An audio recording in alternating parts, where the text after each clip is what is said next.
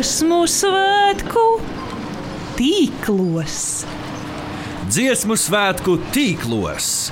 Dziesmu svētku pētniecības raidījums trešdienās, pulkstens 17. Raida Naba.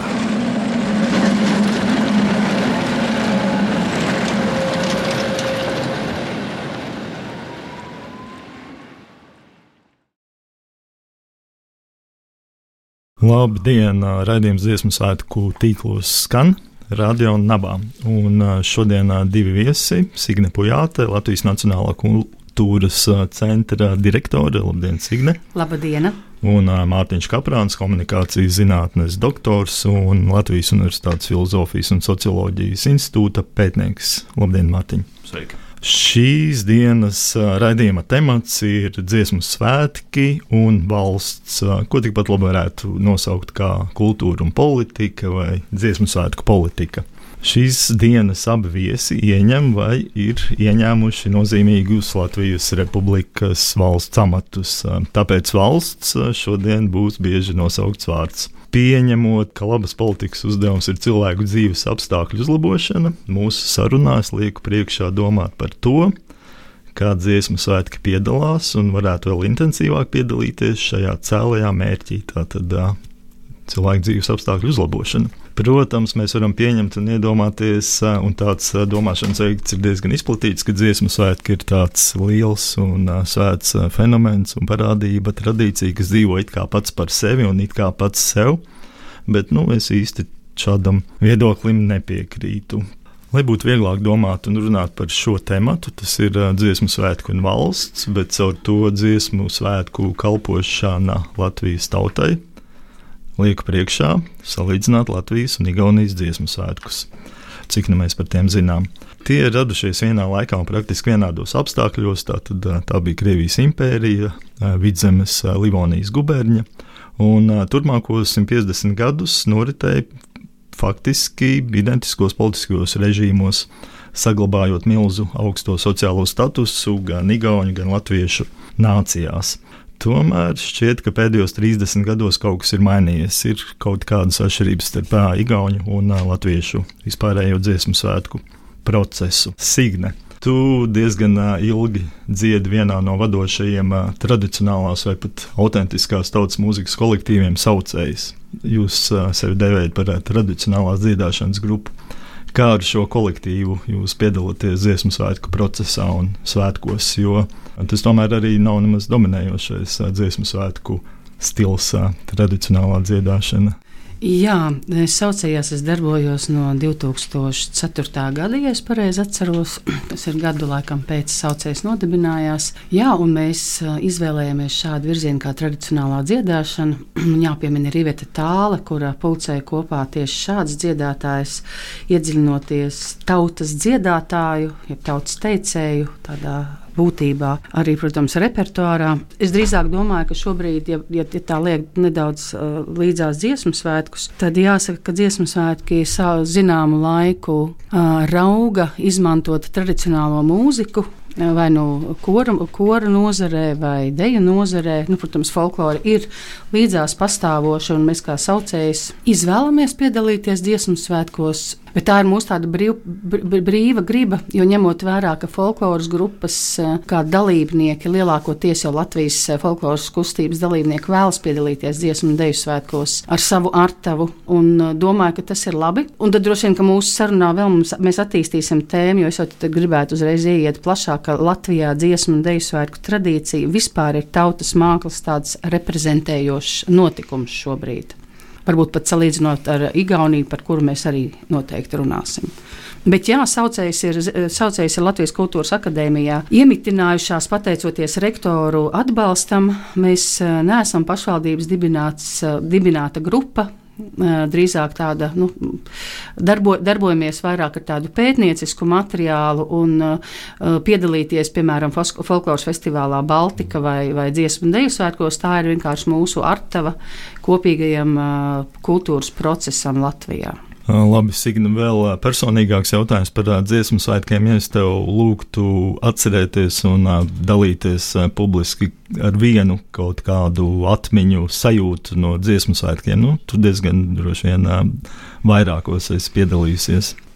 Vispār par dziesmu svētkiem. Jā, ja? jā. Man ir jāsaka, ka es esmu augusi, dzimusi kora tradīcijā, jo mans tēvs Vēnspils mūzikas vidusskolā mācīja diriģēšanu, pats bija diriģents, un es uzaugu ar koru mūziku. Es atceros bērnībā apmeklēju pasākumus, kur vecāki dziedāja vai klausījās, tāpēc man ļoti nu, klausīties aizvien labu koru mūziku, tas ir arī tā ir mana pašas privilēģijas uzskata. Tāds ļoti augstākais, tāda katarse, ko es esmu piedzīvojis dziesmu un dēļu svētkos, ir eh, dziedot jauniešu jauktajā korī sonore, kuru to laika vadīja uh, maestro Edgars Račevskis, un mēs uh, koru nu, koru finālā vai koru karos mēs ieguvām Grand Prix Itālijā 1990. gadā.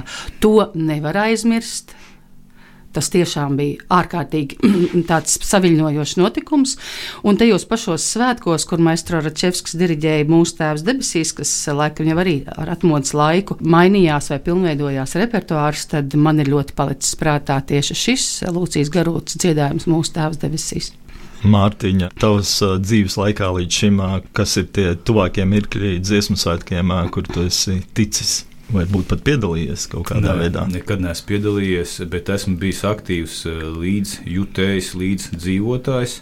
Kopš bērnības atceros, es gan uh, neatceros vai visas reizes, bet uh, laikam tēvam bija tāda stingra nostāja, ka jāiet, jā, obligāti jāpiedalās gājienā, jās, jāsako līdz gājienam. Ir, jā. Un tā, tās piecas vai cik tur tas stundas izstāvēt kopš tiešām atceros vienmēr. Sākumā kā nedaudz moks tas bija, bet eh, pēc tam tas jau ir vairs neatceļams eh, rituāls, kad piedalies. Bet man, eh, man vecais tēvs no Alūksnes, Elmārs Kaprāns, eh, kurš bija Alūksnes mūzikas skolā, arī strādāja, bija diriģents un piedalījās daudzos dziesmēs. Starp citu, tagad lasot, eh, kur tiek sociālās tīklošanās vietnēs rakstīts tās pieredzes vai dalās cilvēku pieredzēs, kas tur goda, goda, dir, goda, dir, goda, goda virsdiriģenti, un es arī tur vienā vietā lasu, ka viens stāsta, ka viņas pirmās soļi ir bijuši tieši Elmāra Kaprāna pavadībā. Tā kā, tā kā tas, tas ir tāda, tāda saita, bet vistiešākā ir mana meita. Pagājušajos dziesmēs pēdējos piedalījās, bet pats kuriozākais, ka viņa piedalījās eh, mazākuma tautību kopas Iļņiskie pētņicas sastāvā, eh, lai gan viņa ir tīras viņu latvieta. Viņai ir tāda balss laba, kas bērniem ir dota no dabas pareizi, ja viņi īpaši attīsta. Viņa gāja, es pie pieminiekta skatījos, kā viņa gāja kopā ar visiem mazākuma tautības sastāvā. Brīnišķīgi. Ir arī otrādāk, eh, cik es Jā. zinu, ka tieši no Iļņķiskas pjatņicas eh, vadītāja meita tieši pārgājusi atkal Dandaros un, un tur tajā visā muzicēšanā jūt prieku latviešu, lat, latviešu kultūrā. Jā. Mm. Kādā tautu tērpā bija tava meita, ja viņa bija tautu tērpā? Bija, bija. Es te precīzi nenorakstīju, bet tas bija droši vien autentisks. Es pieļauju, pat eh, es negribētu, jo tur ir, zināmā mērā, Ilīnskai pieņģīca miksējās Baltkrievu. Krievu, mm, slā, jā, slāvu kopumā, jā, tā kā es nevaru pateikt, pat, kurš tur bija dominējošs. Jā, ļoti labs ievads jau, jau niknējiem jautājumiem, kas man te sākās Mārtiņā. Kā zināms, uh, par dažām nepietiekošām nacionālām idejām tev ir nācies publiski ciest. Tur varbūt pat ir aizgājis līdz tiesai. Es nezinu, kāda ir sajūta, vai arī dziesmu svētki ir viens no šiem potenciāli trauslajiem, jālajiem tematiem. Nu, Dziesmu svētki vienmēr ir bijuši, protams, liels jautājums, kuru vilkt robežu starp tradīciju un tradīcijas atvērtību jaunām idejām un viļņojumiem. Un, droši vien tas ir aktuāls gan šeit uz, ar uzsvaru ne tikai dziesmu, dziesmu kontekstā, bet arī deju.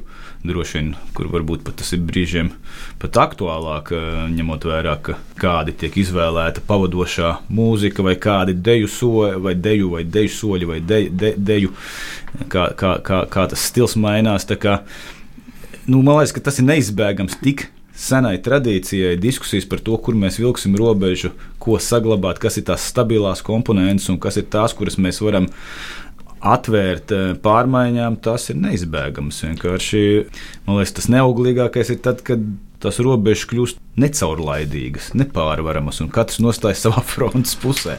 Jā, nediskutējamas un, un neaizskaramas. Signe, kas tevi motivē šo visu? Es domāju, ņemties ar šo visu tieši vadot Latvijas Nacionālo kultūras centru, kur viens no galvenajiem uzdevumiem ir dziesmu svētku procesa pāraudzība, vadība, virzība. Un, faktiski jau nu, Mēs zinām, tu droši vien labāk par citiem, ka īpaši katru nākamo dziesmu svētku priekšvakarā būs lieli konflikti, lieli apvainojumi un tā tālāk.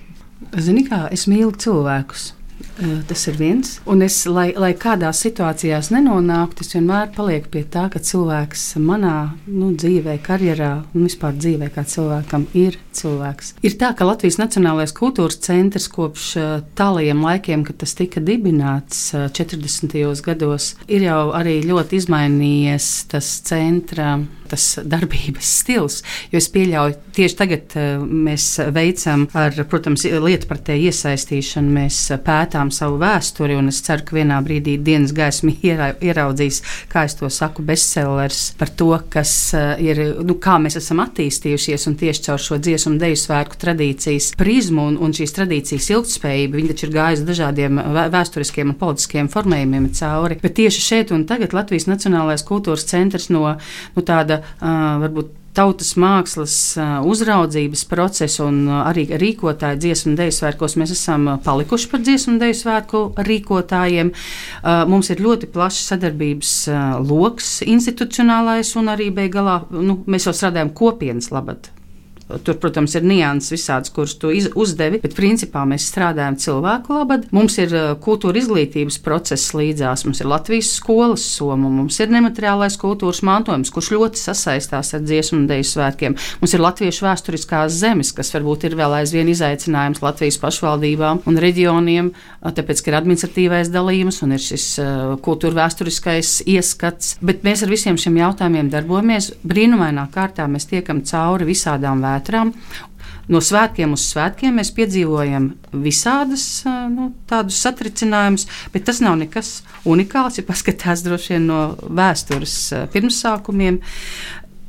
Es domāju, ka cilvēcīgi, ja mēs sarunājamies, tomēr vairāk vai mazāk mēs visi esam kultūras procesā, kas ir, kas ir iesaistīts. Mēs esam cilvēki, mēs spējam būt empātiski un pat vislielākās, uh, vislielākie kaut kādi strīdi vai nebūšanas, kas, protams, mūsdienu kontekstā izlien uz ārā un tā ir, nu, tā, kas tiek saukta par krīzi. Un mēs tomēr tiekam ar tām krīzēm galā vairāk vai mazāk. Ir, ir sāpīgāki triecieni, ir mazāk sāpīgi triecieni, bet mēs no tā mācāmies. Es domāju, ka tā mēs ejam uz priekšu.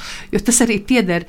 No vienas puses, var jau tā, tā, kā, traģi, tā, tā nu, komiski arī uz to paskatīties un pateikt, ka nu, vienmēr tad arī piesauc visi. Uh, es, es nedomāju, ka es to darīšu, bet es to daru. Es saku, nu, bet uh, paskatāmies uz, uz atpakaļ, kad tā, tā cilvēku sadarbība kopā vienmēr saistās ar tādām pozitīvām emocijām un rīcību, un kaut kādu domu apmaiņa, kas, eh, jeb domu viedokļi, kas nav varbūt bijuši saskaņoti pārāk labi, vai vēl ir kādi citas, varbūt ir vēl kādas citas nianses, ko komunikācijas lietpratējs varēs vēl paskaidrot, varbūt kā, tas, kā tā procesa anatomija no tāpēc veidojas. Jā, es teiktu, ka mm, vēlreiz es mīlu cilvēkus. Un es domāju, ka man arī patīk tas, ko es daru. Neskatoties uz to apmēru, dziļumu un atbildību, jā, kas ir uh, uz maniem un, un man, maniem kolēģu pleciem. Jā, es gribētu apliecināt, ka Signe tāda ir iecietīga, toleranta, kā mēs mūsdienās sakām. Arī mani diezgan labi tolerē Signe. Neskatoties to, ko es uh, gan vienatnē, gan ar pētniekiem esmu kritiski izteicies un rakstījis par dziesmu svētkiem. Starp citu, pirmais pētījums, socioloģiskais, kurā es piedalījos, bija profesora Tāļa Tisenkofa vadībā no Latvijas Universitātes sociālo zinātņu fakultātes ar nosaukumu Dziesmu svētki mainīgā sociālā vidē, nu jau pirms 22 gadiem. Un es atceros, ka nu, tas bija kultūras ministrijas pasūtījums, nu, caur valsti droši vien, ka to kūrēja Signa tieši. Man, man tāda atmiņa ir. Es tev biju maza, kur tad? Uh, tikko Signa bija sākusi laikam strādāt uh, kultūras uh, ministrijā, jā, bet uh, tā ir viena lieta, bet uh, cita lieta, te jau es uz mātiņu sāku skatīties, ka gadu laikā, jau gadu desmit laikā, veidojot pētījumus arī par dziesmu svētkiem, dažreiz man ir tāda sajūta, ka tie mūsu secinājumi, varenie, jaukie, pamatotie arī rekomendācijas dažreiz nu, tiek ignorētas, netiek ņemtas vērā. Man tāda sajūta ir, Mārtiņ, tu ar līdzīgu pieredzi par to lielāku pētniecībā, vai tev arī šāda sajūta nav kādreiz secinājumi tā kaut kur pazūd? Netiek nu, ņemt vērā. Jā, un varbūt pat citreiz ir kaitinoši klausīties, kad politikas veidotāji, bet it īpaši politiķis šeit akcentētu, saka, nu, mēs pirms kaut ko uzsāksim, mēs tomēr konsultēsimies ar ekspertiem, ar pētniekiem, un pēc tam, kad konsultējas, tad arī ar to beidzas konsultācijas. Un, faktiski tur tā savs atlikuma nekāda nav, tāpēc ka bieži vien šī konsultācija uh, ir daļa no sabiedrisko attiecību stratēģijas, kurā, lai parādītu, ka ir uzklausīti dažādi viedokļi. Tā kā jā, bet no otras puses arī kaut kādā veidā, protams, tur jāskatās. Uh, kas tavā gadījumā nav ņemts vērā un kas ir ņemts vērā. Nu, katrs politiķis droši vien nāk ar savu ne tikai ideoloģisko bāzi, nu, ja runā par dziesmu svētkiem, ko viņi saprot, ja cik aizskarams vai neaizskarams ir dziesmu svētku kodols, ja tāds vispār ir. Mēs kādreiz runājam par satversmes kodolu, piemēram. Un, un, un, ja ir tāds dziesmu svētku kodols, cik aizskarams un kurā brīdī mēs varam kaut ko pieļaut. Tur jau, protams, ir arī, e, arī kaut kādi, katrs, piemēram, politiķis ir e, arī personība. Ja? Viņiem ir arī kaut kāda sava estētiskā izpratne, savi gaumes spriedumi par kaut ko. Es domāju, ka šīs divas lietas, mījodarbojoties, eh, bieži vien kļūst par tos iekšējo sietu. Jo nu, galu galā viens ir ko ierēģu līmenī, kādas rekomendācijas. Es domāju, ka ierēģi bieži vien ir ļoti atvērti. Bet galu galā lielās, lielās, lielos virzienus tomēr bieži arī ietekmē. Nu, kaut vai, ja tā ir runa par kaut kādu valsts politikas plānošanu, nu, to ietekmē arī nu, protams, cik ieinteresēts politiķis ir, bet viņš ietekmē šo strateģisko virzienu tajā brīdī, kamēr viņš ir savā amatā. Tad tu arī esi diezgan pesimistisks un realistisks. Es jūtu nedaudz. Jā, nē, es nezinu, vai esmu pesimistisks. Es drīzāk esmu realistisks, jo es domāju, ka es ļoti bieži esmu pamanījis, kā manā valodā runā gan politiķi, gan ierēģi. Proti, tā valoda, kurā tu esi rakstījis politikas plānošanas dokumentus, lēnām iesūcas un tiek absorbēta no politikas veidotāja puses jēdzieniski. Un, un tad līdz ar to varbūt nav pamats tik ļoti apvainoties, bet viņa pacietība tas prasa. Tieši tā, es tev pilnīgi piekrītu. 10, 20 gadi tas nekas nav. 30, nu, gaid, gaidīsim. Un, un kaut kas jau mainās visu laiku, bet uh, vēl pie Mārtiņa, varbūt jau pie Igaunijas mazliet pārējiem. Zinu, Mārtiņ, ka tu esi bijis postdoktorantūrā, stažējies, varbūt citiem vārdiem, Tartu universitātē un droši vien padzīvojis kādus īsākus, garākus periodus, skatoties un salīdzinot Latviju un Igauniju un tās atšķirības, kas mums ir neapšaubām lielas, īpaši tieši 30 gadu laikā radušās sociāla-ekonomiskās. Kādi tev skaidrojumi daži, kur tā vaina ir mūsos, vai, vai kur tas labums ir Igaunijos, kas mums nav? Kāpēc viņiem ir labāk nekā mums? Tieši tā. Nu, jā, nu, viņiem ir e, ekonomiskā situācija vienmēr bijusi nedaudz labāka nekā mums, kas ir bijis priekšnosacījums, e, kāpēc Igauni e, varbūt var justies drošāki un, un, un, un, un, un, un stabilāki attiecībā uz nākotni. Bet, bet, kāpēc? kāpēc? Mēs jau diezgan līdzīgās pozīcijās bijām pēdējos 100, 200 gadus. Nē, man liekas, ka jāskatās tieši pēc Padomju Savienības sabrukšanas un valstiskās neatkarības atjaunošanas, kādā veidā attīstījās, attīstījās situācijas šajās valstīs. Tomēr diezgan dažādi virzieni tika izvēlēti. Es domāju, arī nu, protams, nu, tas tāds klišejs, bet Somijas stūms nav tikai. Somijas stūms, investīcijas, iespējas, tā skaitā izglītības iespējas, pārnese, zināšanu pārnese kā tāda. Tad geogrāfiskiem tūmam un arī kultūras tūmam, kas starp Somiem un Igauniem, protams, ir ļoti svarīgs. Nu, to nevar novērtēt par zemu. Un visi vecie stāsti par to, ka Igauni jau varēja padomu laikā Somijas televīzijas tikai, tie nav tikai stāsti un tie nav tikai mīti. Tas lielā mērā nozīmē, ka viņi nekad nebija no šīs otras savas. Uh, etnokultūrālās eh, brāļa vai māsas nekad attālinājušies. Viņiem tas, protams, eh, lielā mērā palīdzēja īpaši 90. gados, kad mēs visi esam nu, pārējais laika nenoteiktībā.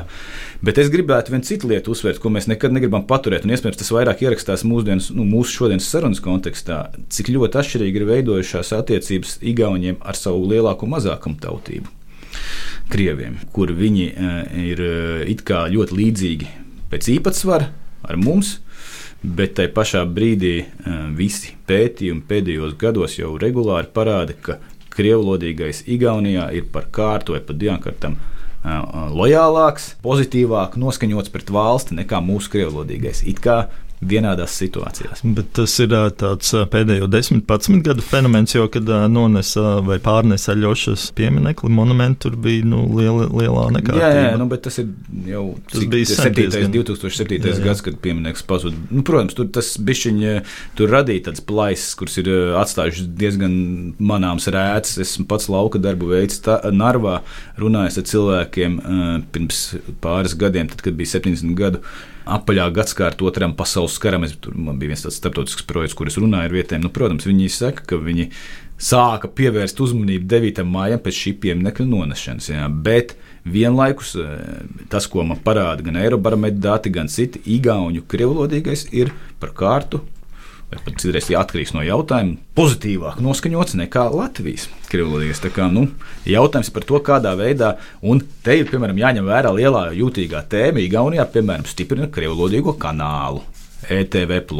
Mēs darējam, mēs esam izvēlējušies pilnīgi pretēju stratēģiju, kā ar mazākumu tautībām strādāt, un rezultāti ir paradoxāli citādāki.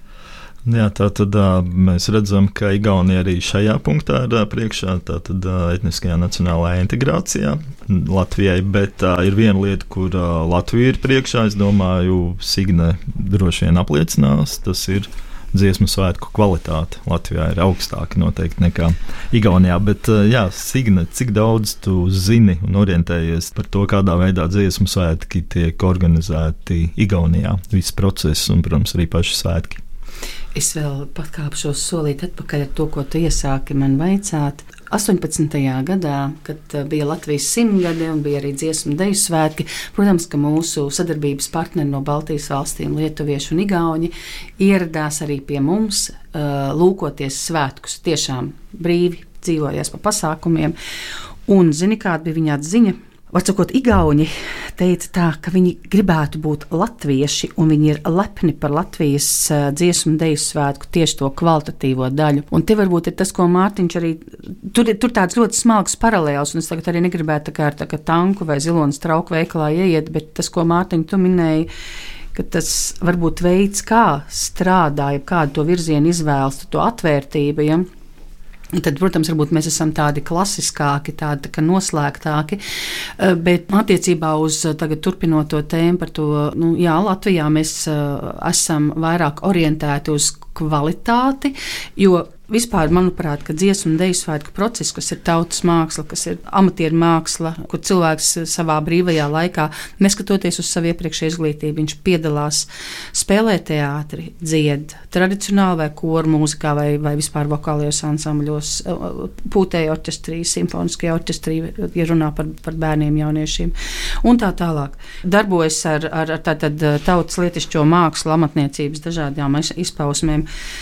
Un, un, un tātad dziesmu sērku process balstās tajā, ka ir līdzdalība, un ir tā izcilība. Un mēs Latvijā nu, vairāk tiecamies uz to izcilību, kāpēc tā visai līdzdalībai ir jāpievelkas tā pie tās izcilības. Un visi to ļoti godprātīgi un disciplinēti arī dara ar prieku. Un, protams, ka ejot laikam līdzi, mainoties sabiedrībai, parādās dažādi tā kā tu saki, arī nērtie jautājumi. Es arī tos saucu par nērtiem jautājumiem. Tagad par to Igauniju. Pārunājot vēlreiz ar, ar Igaunijas kolēģi par to Igaunijas uh, dziesmu sārku modeli. Igaunija ir izvēlējusies jau kopš uh, eh, 90. gadu beigām tam sabiedriskajam sektoram pievērst nu, tādu īpašu uzmanību un atdot daudz ko sabiedrības rokās. Taču ir viena nianse.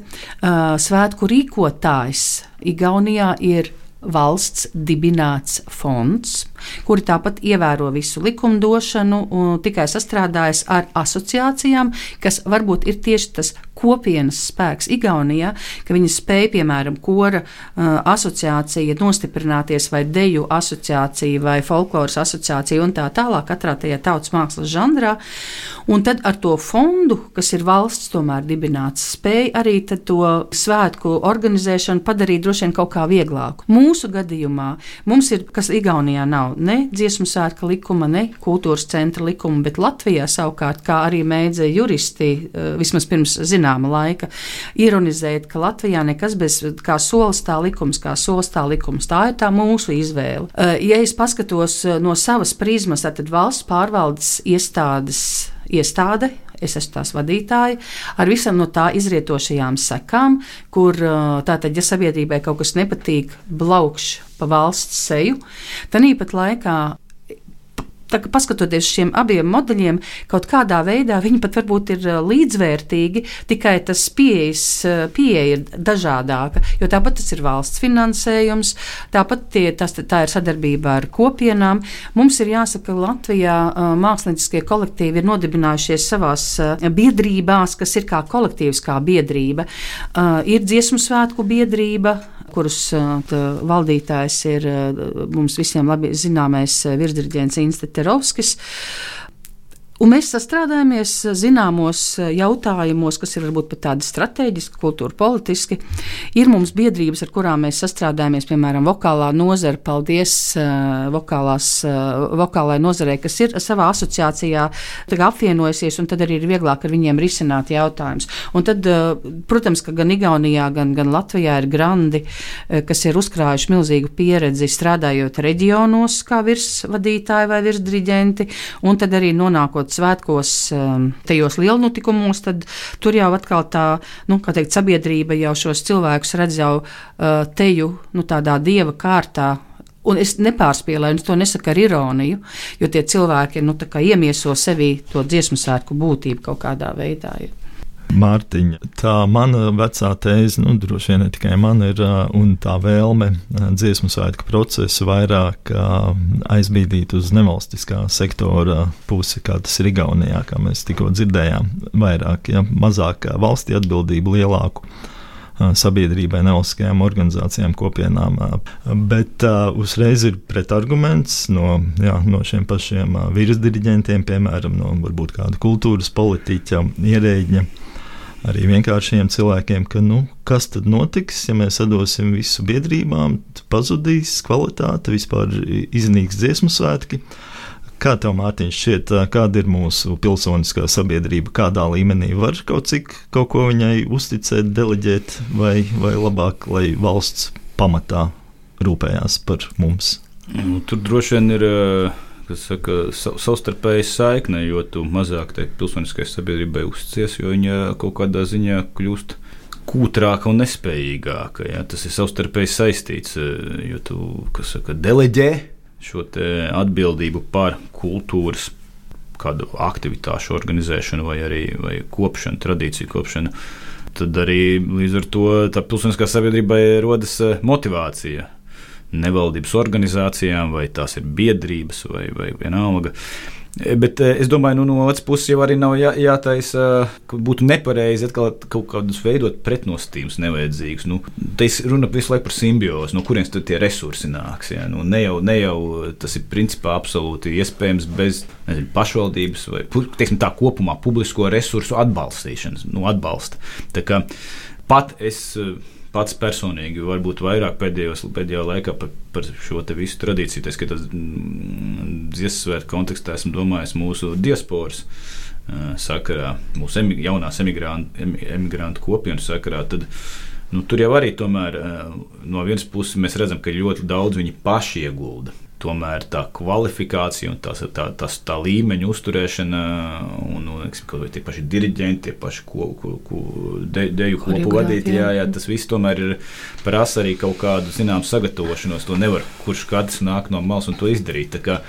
Es, es negribētu radīt pretnostīm. Es gan ne, neesmu tik ļoti pazīstams, ko nozīmē Igaunijas kontekstā. Vienkārši varbūt tā ir kaut kāda tradīcija pārmantot, ka viņiem agrāk jau tas, teikt, tas kā angļuiski sauc, grassroots level, ja, iesaiste ir bijusi vairāk. No apakšām ir bijis vairāk tas uh, spēks un enerģija mobilizēta nekā Latvijas gadījumā. Bet es to es, vienkārši mm, izsaku kā pieļāvumu. Mm. Man, man, man liekas, ka tas svarīgākais ir tas, uz ko tu mērķē, un tas, par ko es gan uh, domāju, ka ir liela problēma līdz ko tu neusticies pilsoniskajai sabiedrībai un ilgtermiņā neusticies vai uzskati, ka mēs jau labāk mācīsim, tad tas arī lielā mērā novājina šo potenciālo resursu uz vietām.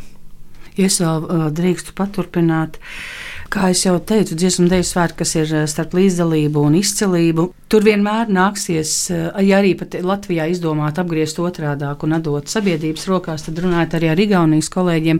Tāpat ir nianses. Piemēram, tad, kad mums ir tagad skates un man ir šīs dienas preses relīze, kas ir jāsūta ārā ar, ar, ar statistiku un, un, un, un tie, kas piedalījās svētkos, mēs esam tajā pašā pēc-covid ietvarā. Ir apmēram 1700 mākslinieko kolektīvu dalībnieki, ir tie paši 40 tūkstoši, kas arī iepriekš. Igauniem gan arī tā statistika pēdējā sarunā ar kolēģi, ne, viņš neapliecināja, ka ļoti kri, būtu krities dalībnieku skaits Igaunijā, bet viņiem, piemēram, pastāv tāda problemātika, ko es īsti neesmu sadzirdējusi vai pamanījusi mūsu vidē, proti, ir tie eh, svētku sagatavošanas posmi, kas plus mīnus visās Baltijas valstīs notiek vienādi. Beidzas vienu svētku, mēs sākam gatavoties nākamajiem. Vienalga, vai to, ar to strādā valsts sadarbībā ar pašvaldību un kopienu, vai otrādā kopiena sadarbībā ar valstu un pašvaldībām. Un uh, Igauniem tajā posmā, kur ir tātad jau repertuāra apguve un skates, viņiem tajā brīdī sāk pazust dalībnieki vienkārši izstājas no spēles. Kaut gan sākumā visi var pieregistrēties, mums tas process ir maķinīt otrādāks. Mēs viņus reģistrējam jau pa ceļam uz jau skatēm, un uh, tur drīzāk ir tā, ka tur pat mēģina iesprāgties vēl kāds vairāk, un uh, nevis otrādāk. Un Igauni teica, ka viņi pēc saviem kārtējiem svētkiem raudzīs saprast, kāpēc tas tā ir. Te parādās arī repertuāra politika, un es domāju, ka tā ir aktuāla ne tikai Latvijā, kur uh, saka, nu kāpēc mēs dziedam tieši tādas dziesmas, bet uh, es ar visu visu pārliecību var teikt, ka tie, kas ir tie virsdiģents un virsvadītājs, es šo cilvēku grupu saucu par uh, grālkausu turētājiem.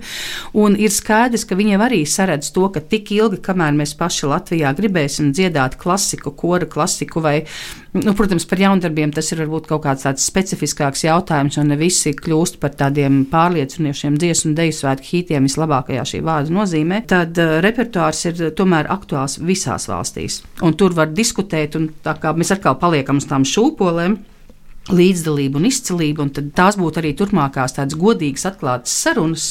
Tas, es domāju, ka tas vispār iezīmēs 21. gadsimta, nu tātad mēs esam ceļā uz 30 gadiem. 21. gadsimtā. Un lab, labais, es domāju, ir tas, ka mums nav vairs šaurās grupās jāsanāk un jārunā, bet mums ir jāsakmē tas, lai mēs varētu godīgi runāt, lai arī kaprāna kungs var pateikt, ko viņš domā par, par, par situāciju, pat tad, ja viņam meita darbojas tradicionālās, tradicionālās jomas atzarē, bet viņam ir tomēr kā pētniekam arī skatījums no malas.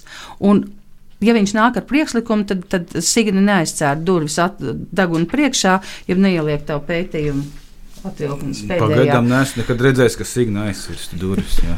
jā, bet, nu, var sakot, doma tāda, ka tā sarunāšanās kultūra mums ir jāpir, jāpilnveido, jo, jo piekrīt, mēs esam dzīvojuši dažādās situācijās, un tieši tad, kad nāk pāri politiskais viss aspekts, kur ir arī līderi, kas eh, runā, varbūt pirms eh, iznāk, varbūt tur svētku rīkotājs, vispār svētku dalībnieks, tad tas visu to situāciju padara citādāk, un cilvēks, kas pienāk no malas, viņš to ainu vispār redz citādāk nekā tā patiesībā ir. Tāds ir, nu, tā ir tāda man, mani novērota. Man, jā, ne, man liekas, ka viens cita lieta, ko tas, ko tu varbūt netieši norāda, un kas gan ir viena no tēzēm, kurā esmu dzirdējis daudzkārt no tevis, un, vai lasījis pareizāk, un kurā man liekas ir ļoti būtiski un uzrunājumi, ir, cik ļoti mūsu dziesmu sēta kalpo kā sociāli integrējoši, nevis kultūrāli, bet proti dažādas sociālo statusu cilvēkus, ienākumu grupas dažādas. Lūk, par to man liekas, ir svarīgi neaizmirst runāt, jo tas tā tava tēze, kas vienmēr atceros, ir par to, ka to tā tomēr lielā mērā kļūst par vidusslāņa. Ja pareizi atceros to tautu argumentu, lauku un vietu, kur, kur sevi rādīt un izrādīt, uh, un, un kur kopt kultūru, un cik svarīgi, ņemot vērā, ka mēs esam viena no nevienlīdzīgākajām valstīm joprojām Eiropas Savienībā. Mūsu visi džīni un viss parāda, ka mēs esam ļoti nevienlīdzīgi. Un tā nevienlīdzība, diemžēl, neiet mazumā, kā šīs grupas, kas īpaši dzīvo ārpus lielajām pilsētām, pastāv, viņas ir izkliedētas Latvijas teritorijā, kā viņas iesaistīt un vai ir iespējams, cik lielā mērā. Jo, nu, Tie viss tās, ka tas viss maksā. Kultūra maksā. Šajā gadījumā arī dziesmu svētku kultūras uzturēšana maksā arī privāti. Bet es varbūt vēl piebilstu, ka ne tikai lauki, vai varbūt pat uz pilsētām vairāk jāskatās, jo, ja mēs skatāmies kaut kādus līdzdalības ciparus, īpatsvarus, tad pilsētās ir divreiz, trīsreiz mazāks īpatsvars iedzīvotāju, kas piedalās dziesmu svētku procesā. Bet mazliet pagaidām rezumējot Igaunijas gadījumu. Tā ļoti vispārīgi skatoties uz viņu līdzdalības cipariem, tie ir ļoti labi, visu laiku aug. Uh, iespējams, pat lielāki nekā Latvijā. Uh, gan kopkoris, uh, nu, tur tautu deju ansambļu dejotāji ir mazāk. Tā kā atdodot lielāku varu kopienai, nevalstiskajām organizācijām, dziesmu svētki Igaunijā turpina plaukt nesliktāk kā šeit. Nu, protams, kvalitāte. Jā, kvalitāte it kā nav tik laba. Signe, tagad jau pie viena atkal karstā jautājuma. Tas vienmēr ir bijis karsts. Tātad, jautājums, kas notiek ar līderiem, kā līderi uzvedās dziesmu svētkos, šie grāla kausa turētāji, virsdiriģenti, virsvadītāji. To gan vēsture rāda, gan arī, arī pētījumi ir konflikti, un ir um, viena no lietām, ko mēs esam pēdējos gados teikuši, ir, uh, ka ir tāda tā kā problēma uh, šo līderu faktiskā nu, nenomainība. Viņi kā tiek, tā viņi īsti nevar tikt nomainīti. Un tas, protams, rada korupcijas riskus, nu, klasiskā lieta demokrātijās vai pirmkārt, jā, vai tu piekrīti, ka tādas tendences parādās, un otrkārt, vai ir kaut kādi mehānismi iestrādāti, lai tomēr tā rotācija būtu tāda dzīvelīgāka. Ja paskatās uz katru no tiem līderiem, kas vispār nu, veido to dziesmu deju svētku koptēlu no tās kvalitatīvas aktīvās puses un, un tādas dziesmu svētku ilgtspēja arī zināmā mērā varbūt tā, kā mēs Latvijā to redzam. Bet, protams, ka katrs līderis ir labi izglītots un iedziļinājies savā tēmā un ir tiešām savas jomas lietpratējs. Tā otra puse, kur atkal ir šis lauks līdzdalība un kvalitāte, tur parādās tieši šobrīd, tas 21. gadsimts un tās desmit gadus, kas ir pagājušas, parādās situācija, ka sabiedrība nu, uzdod jautājumus, nu, arī tieši par to līdzdalību, nu, kāda tas mehānisms notiek. Vai un kā ir iespējams maiņas vai pēctecības, jo, starp citu, ja mēs arī par to šodien neiztirzājam, tas varbūt arī ir tāds jautājums, vai aiz mums kāds stāv rindā, lai, piemēram, kļūtu par centra direktoru, vai kļūtu par uh, virsdiriģentu, vai kļūtu par kolektīvu vadītāju, vai kļūtu par dziedātāju, dejotāju un tā tālāk. Jo no vienas puses statistika rāda, ka viss ir ok, bet mēs verbalizējam to, ka mums nemitīgi ir kaut kādas problēmas. Mēs novecojam, Jauniešiem ir citas izvēles, un, ja šeit sēdētu divi jaunieši un sarunātos, nu, kaut vai vidusskolas vai arī augstskolas tā, tādā vecumā, būtu ļoti interesanti dzirdēt, ko viņi par šo visu saka, kā, kā perspektīvā skatoties uz to, vai dziesmas, kāda vispār ir dziesmu sēkļa nākotne. Un ir skaidrs, ka dziesmu dēļu svētki, kaut gan Latvijā tie ir tādā institucionalizēti caur valsti, caur pašvaldību, nu tad arī kopienas, cik tālu viņas saprot uh, vai darbojas uh, nevalstiskajā sektorā. Un jebkurā gadījumā dziesmu dēļu svētku tradīcija pati kā tradīcija balstās gan uz tradicionālo, gan uz mainīgo. Un tas mainīgais, protams, vienmēr tiek uztverts ar tādām zināmām bažām, Jo es patinot filmu atpakaļ, kopš es uh, iestartēju kultūras jomā. Nu, tad, tad tas bija 95. gads, un es strādāju tradicionālās kultūras jomā. Tad, protams, tur neiedziļināsimies tālāk man, manās tajās karjeras izaugsmēs. Es ļoti skaidri atceros, ka bija di tāda tā diskusija un bažas, oh, Mums pie uh, dziesmu dēļu tradīcija, tautas mākslas kustība, pie tam mums ir skaidrs, kā mēs strādājam Latvijā, kas ir tautas māksla, parādās mazākumtautības. Tās bija sirdsklauvis daudziem, jo nevarēja saprast, kas tam lācītim vēderā. Bet es gribu teikt, ka tā, lai, lai arī ir, protams, droši vien priekšrocības un trūkumi arī mūsu tātad, politikai, varbūt saistībā ar mazākumtautībām, kā mēs, viņus, kā mēs ar viņiem sastrādājamies un sadzīvojam Latvijā. Bet dziesmu sērku sakarā mēs esam diezgan labi sastrādājušies, visa veida kopienas, uh, jo da dažādas tautības ir un, un arī tā tautas mākslas izpratne, kas ir Latvijā, ja, uh, kas ir mākslinieckais sniegums uz skatuves, nevis uh, varbūt tādā neformālā situācijā. Un tas ir pierādījies, ka viss ir kārtībā ar šo visu. Tātad dziesmu svētki uh, un, un mazākuma tautība iesaista, un, un, un viņi ļoti, ļoti forši ir uh, ieintegrējušies pie mums. Tas pats visdrīzāk ir arī ar šiem nu, tādiem fundamentāliem jautājumiem par to, kā kļūt par virsvadītāju, virsdiriģentu, jo kopš atmodas laika un kopš es esmu klāts dziesmu un deju svētkiem, es varu pateikt, ka ka nav nekādas tādas beigās schēmas, kur katrs tagad domā, nu tagad tā mēs atstumsim tevi, atstumsim tevi, bet mēs paši būsim pie, pie, pie tā lielā galda. Jo tur ir sava arī tāda zināma kārtība bijusi, kā tie cilvēki, kas ir ienākuši savulaik, jo tagad jau cienījamie virsdiriģenti, virsvadītāji, viņi savulaik ienākuši sistēmā kā jauni censoņi, kas ir bijuši līdzās lielajiem Uh, nu, tātad, uh, šīs tradīcijas pārzinātājiem, strādājuši, asistējuši un tādā veidā nu, paudzēs to, to, nomainījuši viens otru. Tagad ir visdrīzāk atkal tāds aktu, aktu, aktuāls laiks, lai šos jautājumus vēl vienreiz pārunātu, bet tam nāk klāt arī laikmeta grieži, kuri nebija varbūt pirms tiem 30 gadiem. Tāpēc tas rada dažādas situācijas, kas ir, nu, ko mēs saucam par tām krīzes situācijām vai kaut kādiem redzamiem konfliktiem vai šķietamiem konfliktiem. Nu, tad nāks vienkārši to visu risināt un iegūt jaunu pieredzi, lai mēs virzītos uz priekšu. Tad uh, vēl konkrētāks jautājums par uh, šo, nu, laikam jau šajos dziesmu svētkos pagaidām lielāko konfliktu starp uh, projekta kori, dziesmu svētku virsdiriģentiem. Skatoties šo konfliktu, jau tā it kā lidojot helikopterī un no, no virspuses, no liela mēroga, sistēmiski vai struktūrāli Vai tu redzi, ka tur ir kaut kāds tāds konflikts, struktūrāls apakšā, vai tas ir drīzāk kaut kāda nesaprašanās, kaut kāda komunikācijas kļūdas, kaut, varbūt kaut kādas personīgas antipātijas, simpātijas, vai tomēr kaut kas struktūrāls tur apakšā? Zini, kā es to visdrīzāk skatīšos no, no, no viedokļa, kā es to redzu, neinterpretējot. Jo, uh, manuprāt, vispār tur, kur ir iesaistīti ļoti daudz cilvēku, mēs ātri varam nokļūt, kas pasakā, kā Gabrāns ir tāds un tāds, un es vispār nepazīstu viņu, es viņam neesmu pavaicājis neko, kāds viņš ir, un man vispār, bet es, man ir par viņu viedoklis. Es no tā gribētu izvairīties, uh, un es gribu teikt, ka šajā reizē uh, ar Rīgas projektu kori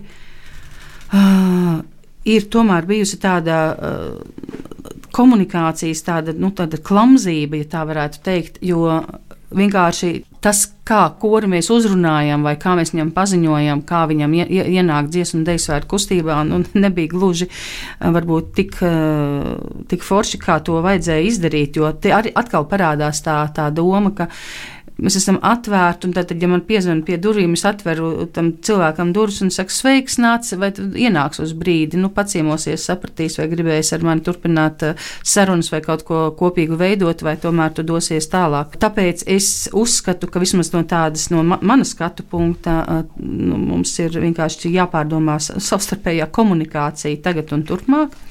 Jo dziesmu deju svētku tradīcija jau zināmā mērā ir atvērta, jo tad, ja mēs palasām, piemēram, septembrī, oktobrī, kad atsākas uh, kolektīva darbība, kolektīva vadītāji Facebookā liek iekšā nāciet dziedāt, nāciet dejot, mēs jūs gaidām, mēģinājām tad un tad. Zināmā mērā tā ir atvērtība, ja, un tad, tad uh, tālāk tas viss uz to svētku rīkošanu, tad, tad, nu, tad notiek tā kā pakāpeniski. Laiku laikam jau šeit mums ieskanās tēma ne tikai sociālā integrācija, kā varētu dziesmu svētku līdzdarboties, bet arī, arī etniskā integrācija potenciāli. Un, protams, tādi jautājumi man bija sagatavoti, kāds ir dziesmu svētku etniskās integrācijas potenciāls vai etniskajām minoritātēm ir vieta dziesmu svētkos, bet uh, mēs dabūjām arī Jēkaba Nīmaņa jautājumu. Uh, Signē, bet es no sākuma šo pašu jautājumu uzdošu Mārtiņam. Jēkabs Nīmans, komponists, mūziķis.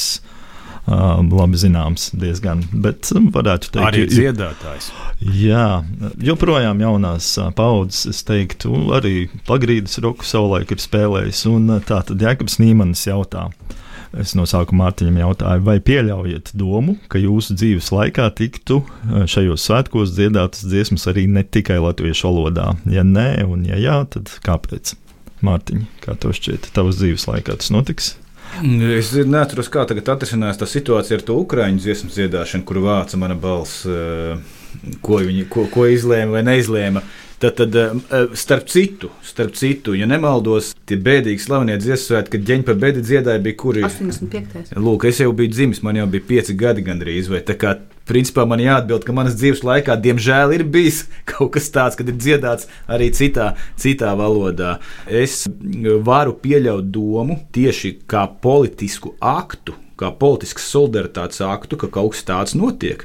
Kāpēc nē? Jo, ja mēs varam uh, nodziedāt uh, ar koriem kopā Ukraiņas himnu, lai tādējādi izrādītu solidaritāti ar Ukraiņu tautu, man, man tas liekas, uh, tā ir tā laikmeta elpa, laikmeta nospiedums uz katra, zīm, uz katra Ziemassvētkiem. Šeit mēs to, to darām kā brīva tauta, kā brīva sabiedrība. Mums neviens neuzspiež to dziedāt, mēs paši par to vienojamies. Tā kā jā, es to varu pieļaut, bet tikai ar kādiem motīviem, protams. Jā, Jākaps noteikti domāja ne tikai vienu dziesmu, bet tā, ka sistemātiski tiek iekļautas nu, divas, trīs varbūt dziesmas nu, citās valodās, bet to jau Signē tagad jautāju. Nu, tikpat labi jau varētu būt runa par, piemēram, lībiešu valodu. Piemēram, būtu vēņi dziedāt lībiešu valodā vai dziedāt igauņu vai uh, lietuviešu dziesmu. Un, ja es pareizi atceros, ir dziedāts jau, ir dziedāts ka ir dziedāts, jā, jā tas, tas, tas tā ir. Par to ukraiņu dziesmu, protams, ir starp citu ļoti dažādi viedokļi. Manā praksē vienmēr tā kā smejies vai raudi, tie viedokļi daļā, dalās tieši tuvu 50 un 50. Tā ka nu, tad, tad lēmums ir jāpieņem man, un ja tas tad es nevaru, kā, ir, kāda, ir kāda puse, kurai kā es runāju pretī, tad tā ir vismaz 50%, kas ir dusmīgi un pēc tam pārmet, ka, ka valsts kā, neņem vērā sabiedrības viedokli. Tas ir tāds nedaudz ar tādu ironijas prizmu, bet, jo tiešām nozarē tādi karsti jautājumi vienmēr ir 50 pret 50. Nezinu, kas tas par fenomenu, bet tā tas ir. Par Ukraiņu dziesmu mēs šobrīd domājam, jo varbūt ir arī vēl brīdis, kad šī šī iniciatīva nāca klajā. Jo uh, mēs šobrīd raugām, skatāties ļoti uzmanīgi un runājam arī mākslinieckajām grupām, lai saprastu, vai un kurā koncertā uh, šo dziesmu iekļaut vispār ukraiņu val valodu, ņemot vērā, tāpēc, ka tā ir ģeopolitiskā situācija, kas ir solidaritāte, bet uh, nenoliedzam ir arī, piemēram, viedokļi, ka mēs taču ukraiņiem jau ļoti daudz palīdzam, kāpēc mēs vēl gribam jaukties iekšā mākslinieckajā procesā. Un te, protams, arī ir tā, tā situācija situācija, ka šobrīd, ja piemēram noslēguma koncerts jau ir pa sekundēm saskaitīts, tad uh, klāt likt jebkādu vērtīgu vienību, tas būtu nu, diezgan nu, traki. Bet uh, paldies Dievam, ka nu, es zinu, ka tas arī ir viens varbūt, no tādiem uh, karstajiem jautājumiem, uh, kāpēc dziesmu sērkos ir daudz pasākumu, bet šajā reizē es saku paldies Dievam. dziesmu sērkos ir ļoti daudz formātu, kuros izpausties un varbūt atrast cieņpilnu vietu tieši šai iniciatīvai, kaut gan mazākumtautību kolektīvi dziedās Vērmans parkā, būs uh, Rīgas Krievu te, drāmas teātrī, būs uh, koncerts, viņu greznais, mazākumtautību greznais koncerts, kur noteikti arī skanēs šī ukraiņu valoda. Tāpēc es varu teikt, ka uh, caur šo mazākumtautību prizmu jau dziesmu svētkos izskan citās valodās uh, dziedātas dziesmas. Protams, ka mēs uh, droši vien vienmēr iedomājamies, ka meža parks ir tā vieta, kur tātad, nu, kur tad būtu jāparādās visam tam plašākajam spektram. Bet dziesmu svētki jau ir viens veselums, viens organisms tādā nozīmē, ka no 30. jūnija šogad līdz 9. jūlijam un naktī, tātad uz 10. jūliju, visā Rīgā notiks brīnišķīgi pasākumi. Mums ir vēl viens jautājums no šī raidījuma cikla dalībnieka, no Aigara Norda, Rīgas maratona organizētāja un Signe. Kāpēc dziesmu svētki nenotiek biežāk? Viņš kā droši vien uzņēmējs un biznesmenis jautā. Tāds jautājums patiesībā ir bijis uzdots arī iepriekš. Es zinu, ka viens no politiķiem uzdeva, nu, viņam bija tāds nolūks katru gadu rīkot dziesmu svētkus. Visu cieņu Aigaram par uh, viņas ar citu darīto arī uh, un, un maratonu rīkošanu. Pirmais, ko es savā atbildē, pret ko es atspērtos, ir tradīcija, ka ir tātad uh, viens posms, uh, cik, cik tātad regulāri šie svētki mums ir reizes piecos gados. Šobrīd ir tā, ka tas, uz ko gan mēs skatāmies nu, tā uh, uzmanīgi un piesardzīgi, ka valsts, ne arī varbūt kaut kāda aģentūra vai nevalstiskais sektors, kurš, ja piemēram, rīkotu dziesmu svētkus, es gribu uzsvērt, tā nav aģentūra, kas rīko koncertus, jo, uh, ja mēs paskatāmies uz dziesmu svētkiem piecu gadu ciklā, tad pat koncerts, kurā dziedās, piemēram, Iļņinskai Pjatņica vai, vai kāds spēlēs uh, amatieru teātri vai būs kāds koncerts, būs kādi reģionālie notikumi, kuri arī ir pietiekami daudz Latvijā un arī pārējās Baltijas valstīs. Tas ir jāskat kā kopums. Tad ir tas starpsvētku periods, un tad ir šis graznais notikums, dziesmu un deju svētki. Tātad Nordakungam tā atbilde būtu tāda, ka tie dziesmu svētki principā notiek piecu gadu garumā, tikai piektajā gadā, konkrēti jūnija beigas, jūlijā, tātad tas pats iesākums ir saistīts ar to kopā sanākšanu visiem no tāda praktiskā, organizatoriskā viedokļa, kad nu, teiksim, normāli sagatavotos svētkus ir vismaz divi pusgadi un tas viss maksā, un tas nemaz maksā, tad eh, šī iemesla dēļ tas starpsārku periods ir tā, tā ielpa un izelpa. To varētu arī tādā veidā eh, interpretēt. Šo jautājumu es uzdevu Mārtiņam Staķim, Rīgas domas priekšsēdētājiem par meža parka estrādi. Vai nav bijusi diskusija, ka vajadzētu to teritoriju, kur sēž skatītāji, ja 50 tūkstoši laikam maksimums sanāk, var sanākt 30 vēl trakāk, kaut kā paplašināt, jo nu, tas ir diezgan traki, ka ir tāds pieprasījums un tas nekad netiks apmierināts, kamēr nu, mēs zinām, ka Tallinas dziesmu svētku strādē, tur varbūt pusmiljons var sanākt. Es varu atbildēt. Es piedzīvoju to brīnišķīgo vēsturisko mirkli, kad 2015. Eh, gada oktobrī eh, toreiz eh, kultūras ministrē Dace Melbārda un Rīgas mēram labā roka, droši vien Amerika kungs, paspied viens otram roku tieši meža parka laukumā pie kora tribīnēm, pasakot, ka tiks darīts viss iespējamais, lai meža parks pārtaptu tādā veidolā, kā tas ir šobrīd. Un tad uh, Latvijas Nacionālais kultūras centrs mēs bijām iesaistīti procesos, jo uh, arhitekti un pēc tam arī būvnieki pie dažādām tādām epizodēm aicināja klāt virsdiriģentus un konsultējās, un tad mēs bijām kā starpnieki un mēs sekojām līdz visam tam procesam. Protams, bija ideja par to, ka estrādi vajag sagriezt vispār otrādāk, tāpēc ka uh, dalībnieki, kas ir koristi, karsts saulē, mēģinājumos, tā tas ir mūžīgi mūžos. Tālajos 50. gados, kad to estrādi cēlā, tā tas tika iedibināts. Nu par estrādes paplašināšanu ir bijušas idejas, jā, ka kopkoris būs cik tur līdz, līdz 20 vai 30 tūkstošiem. Tādi kādi ir cipari, kad kopā Igaunijā sanāk bērni līdz senioriem, tad viņi ir 30 tūkstoši. Ja mēs to izdarītu arī e, šobrīd, apvienot tieši abu uh, svētku auditorijas, jeb, jeb tos dalībniekus, mums kopkors arī būtu, man liekas, te pie kaut kādiem zem 30 tūkstošiem, bet nu, tāpat tas ir ievērojams skaits. Bet uh, tad, kad notika jau pārvērtēšana, ko un kā mūsu tieši estrādē darīt meža parkā, tad tomēr uh, speciālisti, tie ir jomas speciālisti, kas teica, ka pastāv tāda lieta, pasaulē kā fizika. Un, tātad, ja paplašinātu to lauku vēl kaut kā, tad, tad tiktu iz, izjaukts tas viss lauks, un tad nebūtu rezultāti. Šobrīd es strādāju izdarot tas, kas ir izdarīts, bet tur par to, lai tiešām runā lietpratēji, es nebūšu dīvains speciālists. Tas rezultāts ir tāds, ka tā estrāde skan, un jautājums varbūt ir par to, cik bieži eh, mēs varētu aktu, nu, rīkot, jau, tā, kas ir jau vairāk tās kopienas iniciatīva, rīkot, ja piedāvāt dažādus uzvedumus, kā piemēram bija tā deja dzied un dziesma dejo uzvedums, un tā tālāk. Tur varētu, ja Lecsaulīt, kas ir bijis meža parka strādēja, tas bija jau kādu laiku atpakaļ, un tam līdzīgi. Pagājušā nedēļā, starp citu, Teteroska kungs ar savu aktivitāti bija aicinājis kurs, un tur mēģināja arī jau iedzīvināt tādus koncertus, kur mēs, piemēram, ar Mārtiņu un tevi varētu aiziet un paklausīties un atbalstīt eh, koru mūziku un dziedātājus. Man eh, patika Jēkaba Nīmeņa tāds komentārs. Eh, viņš teica apmēram tā, tā kā šī jaunā estrāde ir tik labi akustiski uzbūvēta un tik laba skaņa, ka īsnībā to skaņu ļoti labi dzird arī ārpus žoga.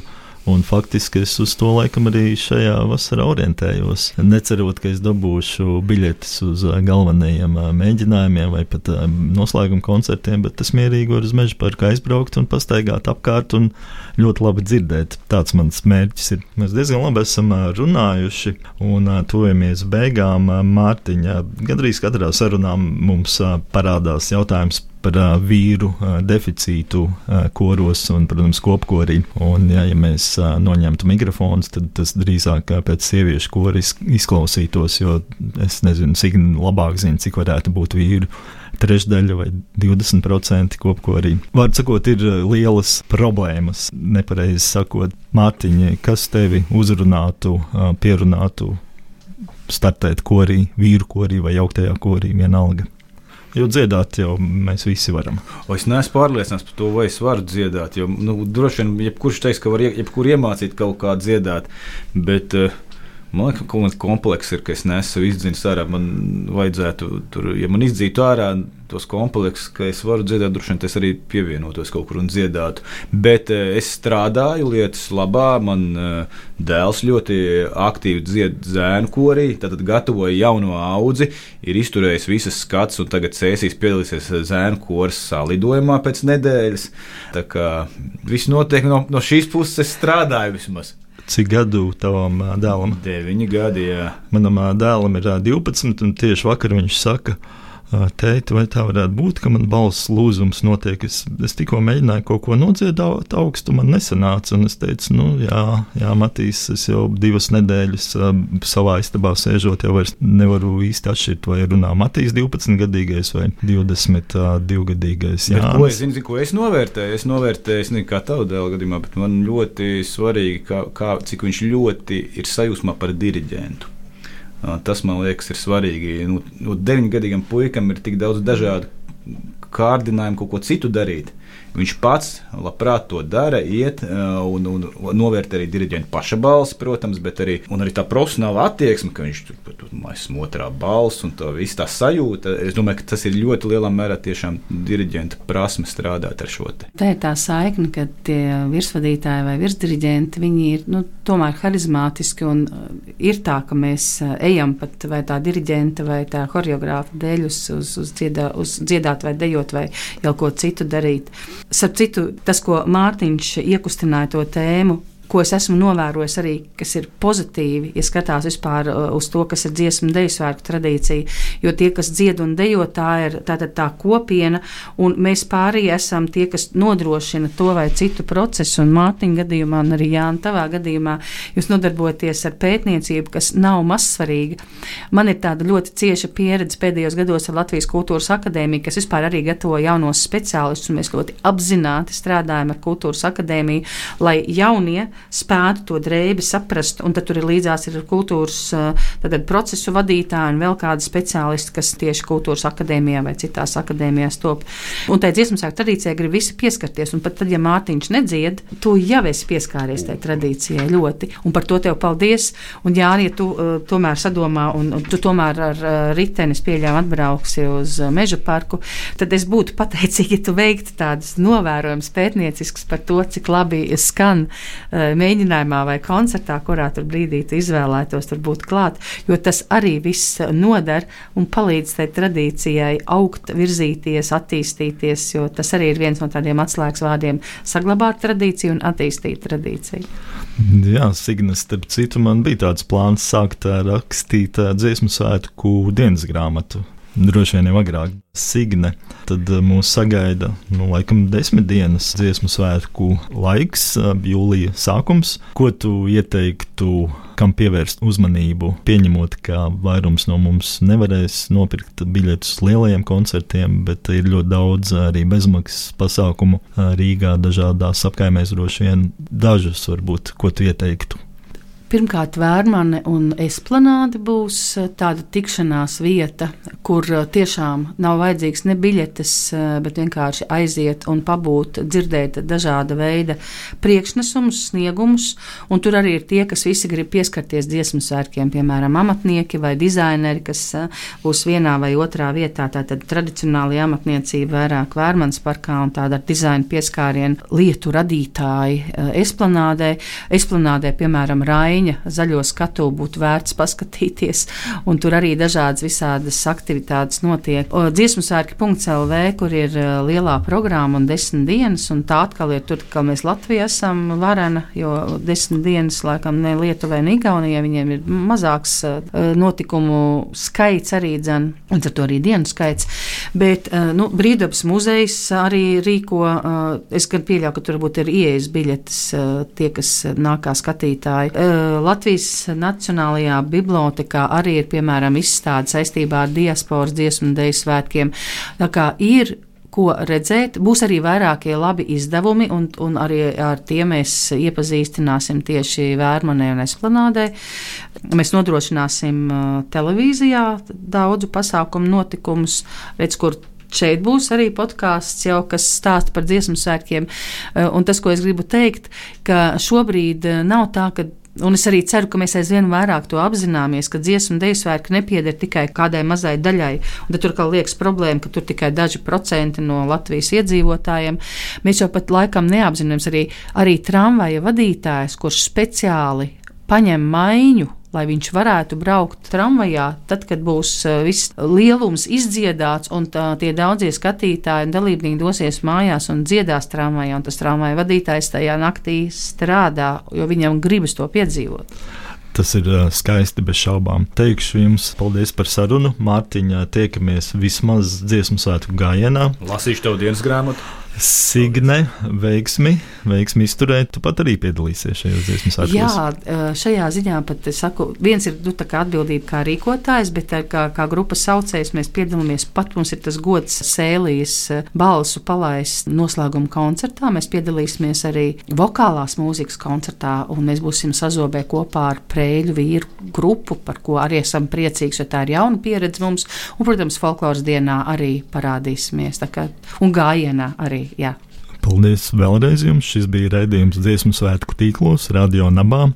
Un šīs dienas viesis bija Signe Pujāta, Latvijas Nacionālā kultūras centra direktore un Mārtiņš Kaprāns, Latvijas Universitātes Filozofijas socioloģijas institūta pētnieks. Radījumu vadīja Jānis Daugavietis, Latvijas Universitātes literatūras, folkloras un mākslas institūta pētnieks sociologs. Un raidījumu sagatavoju kopā ar Ievu Jurgu no Latvijas Universitātes kultūras centra.